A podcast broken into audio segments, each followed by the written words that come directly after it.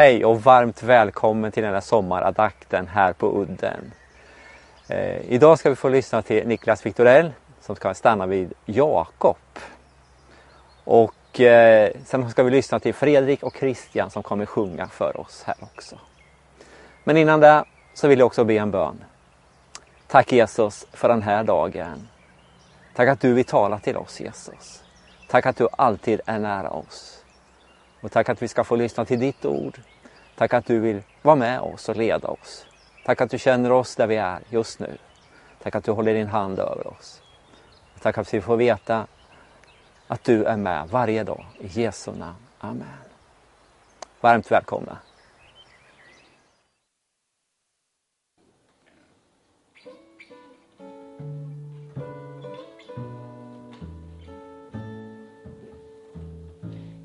Herrens händer till hans förfogande för att hans rike ska bli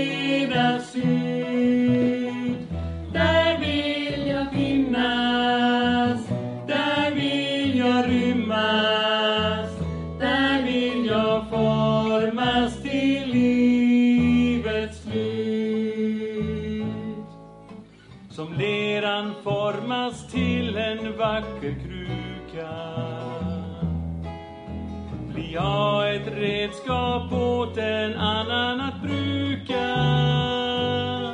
Det finns en större värld än den jag ser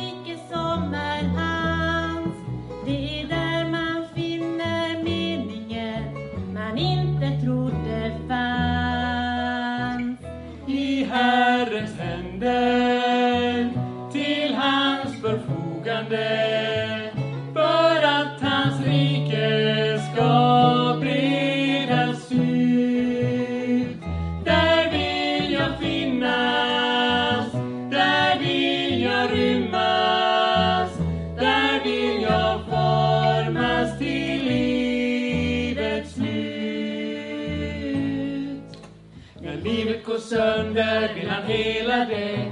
Han helar för att jag ska dela det. Jag öppnar mina ögon och ser vad Herren ser. När livet går sönder vill han hela det. Han helar för att jag ska dela det. Jag öppnar mina händer och ger vad Herren ger. I Herrens händer till hans förfogande för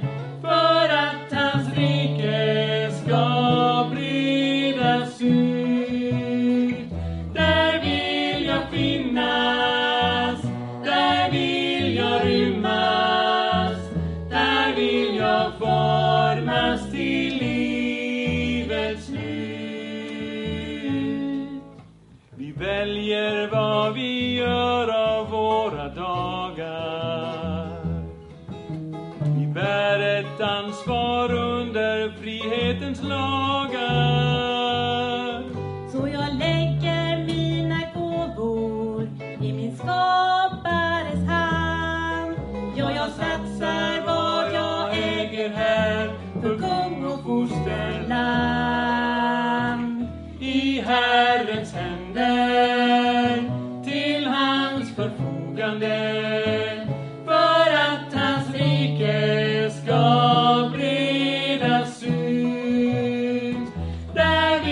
Jag finnas, där vill jag rymmas, där vill jag formas till livets slut. Idag så ska jag berätta lite grann om Jakob och jag ska läsa några bibelord och så ska jag säga någonting omkring honom. För eh, jag börjar att läsa i Första Mosebok 25 kapitlet och från vers 21. Och där står det så här. Isak bad till Herren för sin hustru eftersom hon var ofruktsam och Herren hörde hans bön och hans hustru Rebecka blev havande. Men barnen sparkade varandra i hennes liv. Då sa hon, om det ska vara så här så står jag inte ut. Hon gick för att fråga Herren och Herren svarade henne. Två folk finns i ditt sköte, två stammar, skilda åt från moderlivet. Det ena folket blir starkare än det andra. Den äldre ska tjäna den yngre. Ja, så börjar berättelsen om Jakob och Esau.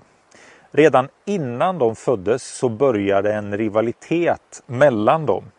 Och Gud berättar, Bibeln berättar redan här innan de har fötts vad som kommer hända med de här två. Den yngre, alltså Jakob, han kommer bli den som är den starkare av dem. Och vi vet inte varför, men av någon anledning så låter Gud det bli på det här sättet. Och när man läser berättelsen om de här båda bröderna så är det lite svårt att ta till sig och förstå. För det är så här att Jakob han beter sig ju inte speciellt schysst mot sin bror. Eh, en gång så köper han Esaus förstfödslorätt och en gång så lurar han både sin bror och sin pappa så att han lurar till sig sin pappas välsignelse. Man skulle kunna säga att han tar det som skulle ha varit Esaus och så gör han det till sitt. Namnet Jakob, det har flera olika betydelser och ett av dem är den som byter plats. Och det refererar ju då till hur Jakob maskerar sig som sin bror för att lura sin pappa och ge honom så att han ska få välsignelsen. Nåväl, de där sakerna det leder till att Jakob flyr för sitt liv eh, till ett annat land eftersom han är rädd för att eh, Esau ska ta livet av honom. När man läser den här berättelsen så är det svårt att tänka på Jakob som en älskvärd person, en person som handlar rätt.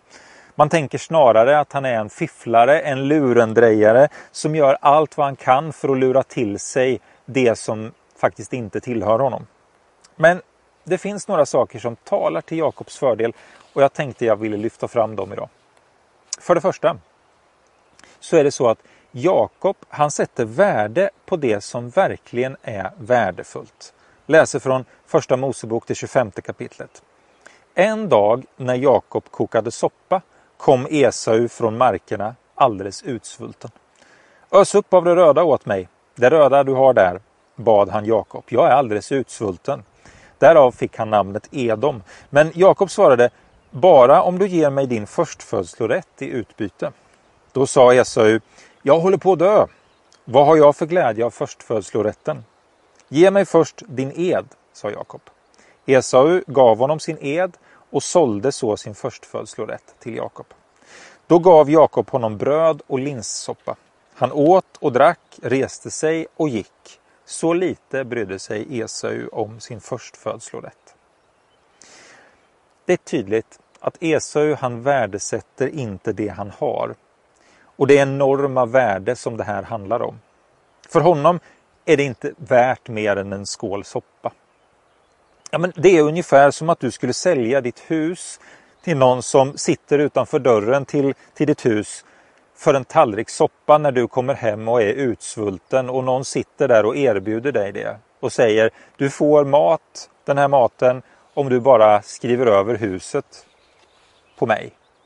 Och samtidigt så vet du att om du går in i huset så finns det mat att få. Så lite inte aktar alltså Esau på det som är värdefullt. Men Jakob, han ser det här värdet. Och visst, han beter sig inte schysst, men han köper det. Och det är ju en fair, en fair affär som han gör. Han värdesätter det som verkligen är värdefullt. För det andra så är det så att Jakob vid två tillfällen faktiskt får möta Gud och det här kommer att påverka honom. Dels möter han Gud i en dröm och vid ett senare tillfälle så är det faktiskt till och med ett fysiskt möte. Och jag ska läsa om det i det 32 kapitlet i Första Mosebok. Jakob blev ensam kvar. Då brottades en man med honom tills dagen grydde.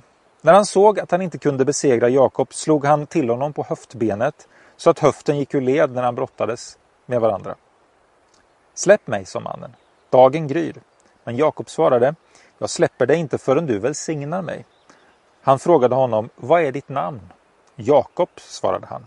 Då sa han, ditt namn ska inte längre vara Jakob utan Israel, ty du har kämpat med Gud och, och människor och segrat. Jakob bad honom, låt mig få veta ditt namn.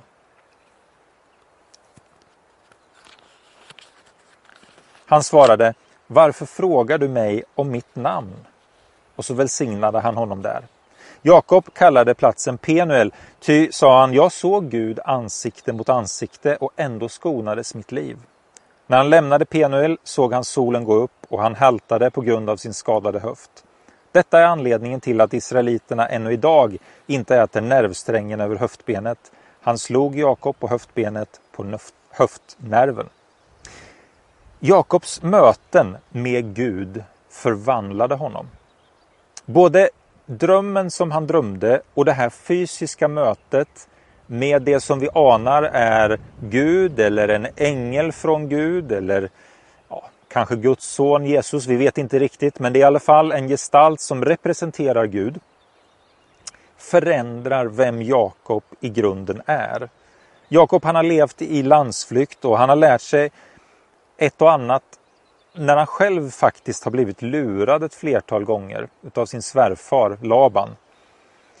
Och utav det här så verkar det ändå som att Jakob han har slipats och utvecklats till en positiv förändring. Viktigast är dock den här brottningskampen som man har med Gud. Den här brottningskampen sätter sina spår kroppsligt så han efter det faktiskt haltar genom livet men också personligt. Gud ger honom till och med ett nytt namn. För han är inte längre densamme som han var när han var den här unge mannen som, som såg till att han fick sin fars välsignelse. Eh, utan det nya namnet det betyder den som brottas med Gud eller segrare med Gud eller kanske alternativt den som brottas med Gud och vunnit seger. Jakobs möte med Gud förvandlade honom. Han gav sig inte heller förrän han fick det han önskade från Gud. Han önskade välsignelse och Gud gav honom det. Det är ett skäl till att Jakob faktiskt blir välsignad. Att han inte ger sig utan att han vill ha det som Gud kan ge honom. Och för det tredje, han försonas faktiskt med sin bror Esau. För tiden går och Jakob vill återvända tillbaka till sitt hem, tillbaka till landet som han växte upp i. Och där på vägen hem så möter han Esau och då visar han att han har vuxit som människa. Han ger Esau gåvor och han talar gott till honom. Bröderna lägger undan allt det där som har varit emellan dem, sluter fred och så försonas de. Det hade inte hänt om inte Jakob hade tagit det första steget. Det är Jakob som tar det första steget till att den här försoningen ska kunna ske. Det är han som ber sin, sin bror om förlåtelse och kommer med gåvor till honom. Jakob visar att han har förändrats och att han faktiskt har lärt sig något. Så tre stycken skäl till varför Gud faktiskt kanske utvalde Jakob. För det första, han, Jakob satte värde på det som verkligen är värdefullt. För det andra, han förändras genom de, de gudsmöten som han, han är med i och genom det motstånd som han också mötte i livet så förändras han och utvecklas han. Och för det tredje, han försonas med sin bror. Det visar att Guds nåd verkade i Jakob. Guds nåd förändrade honom och om Gud kan förändra en sån människa som Jakob, ja men då kan han förändra dig och mig. Oavsett hur vi var från början, eh, lite kantiga och, och lite fel, inte rätt i allting, så är det så att Gud kan förändra dig och mig. Det sker genom gudsmöten, det sker genom att vi värdesätter det som verkligen är värdefullt. Det som faktiskt kommer ifrån Gud. Och det sker genom att vi också tar vårt eget ansvar i att göra rätt, börja göra rätt mot våra medmänniskor. Gud var med Jakob därför att någonting, han såg liksom hela bilden. Det är ett evangelium och nåd till dig och mig. Vi behöver inte vara färdiga. Gud kan se att det finns någonting gott i dig och så tar han det som är du, du och sen så liksom skalar han av de här sakerna som, som kanske inte är de finaste delarna. Och så fram så träder någonting som han kan se. En vacker avbild utav honom själv. Berättelsen om Jakob visar för dig och för mig att Gud är inte beroende av var vi börjar utan han vill föra oss fram till någonting. Eh, till ett nytt jag, till ett nytt namn. Eh, han vill verka i ditt och mitt liv. Låt Gud få göra det. Låt honom få ta tag i ditt liv och föra dig dit som han vill att du ska vara. Vi ber tillsammans. Herre, tack för eh, berättelsen om Jakob. Det finns så mycket i den där berättelsen, Herre, som jag tycker är svårt att förstå. Men tack Herre för att du såg det som skulle kunna bli av Jakob. Och du utvalde honom. Tack Herre också för att du utväljer oss. Att vi inte behöver vara färdiga när du väljer oss, Herre. Utan att du ser det som kan bli i oss. Och jag ber, Herre Jesus, hjälp oss att lyssna på dig. Hjälp oss att förändras utav gudsmötena som vi har med dig. Så att vi blir de som du har tänkt att vi ska vara. I Jesu namn. Amen.